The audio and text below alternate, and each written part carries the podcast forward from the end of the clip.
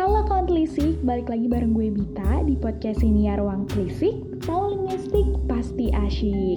Berbeda dari hari-hari sebelumnya, hari ini gue bakalan siaran podcast sendirian nih. Ya walaupun sendiri, tapi gue bakalan tetap semangat kok untuk nemenin kawan telisik di sini. Nah, di episode kali ini gue bakalan bacain puisi karya Alvida Maulida Bowo yang berjudul Kata Harapan. Dan buat kawan telisik lainnya yang punya karya sastra seperti cerpen, puisi, atau opini dan mau karyanya disiarin di podcast ini Ruang Telisik, yuk langsung aja kirim ke ruangtelisik.gmail.com. Keren banget kan kalau nanti karya kawan telisik bisa dipublish dan didengerin orang banyak. Makanya nih kawan telisik ditunggu untuk karya-karya hebatnya. Oke, gak usah banyak basa-basi lagi. Buat kawan telisik yang udah penasaran, yuk langsung aja dengerin. Ini dia puisi karya Alvida Maulida Bowo dengan judul Kata Harapan.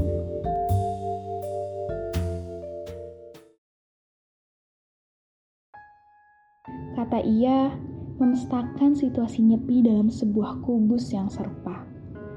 Enam kali mengempap, serupa bunyinya yaitu terus membacuh kartu di tangan dan selalu memangkung pintu dalam hati.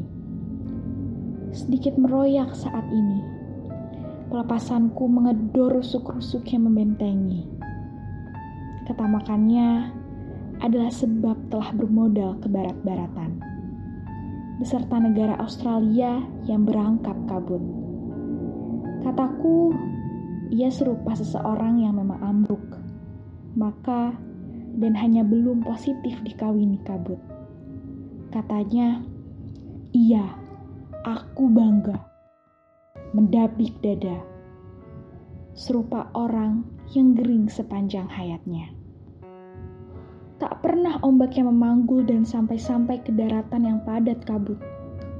Aku adalah harapan, maka aku tidak pernah melihat kabut oleh karena ini, aku dilahirkan.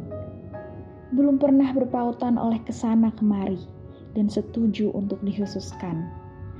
Walaupun begitu, para orang tua yang buta warna teguh ditetapkannya kepada kelak dunia yang dijawat wanita-wanita berkuasa.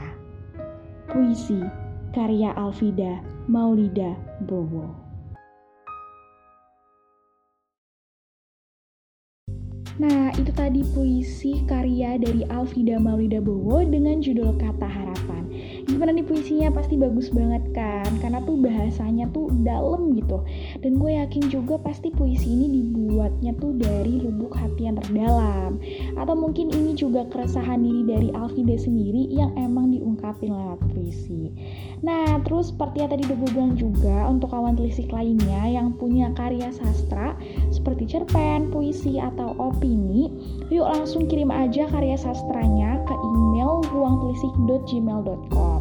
Untuk karya yang kita pilih nantinya bakalan kita siarin di podcast ini ya Ruang Telisik.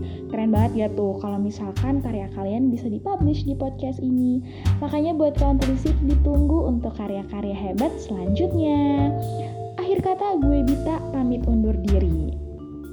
Dengerin terus podcast ini ya Ruang Telisik episode selanjutnya yang pastinya bakalan lebih seru lagi dengan topik-topik yang menambah wawasan kawan telisik. Podcast ini ya Ruang Telisik, tahu linguistik pasti asyik. See you next time semuanya.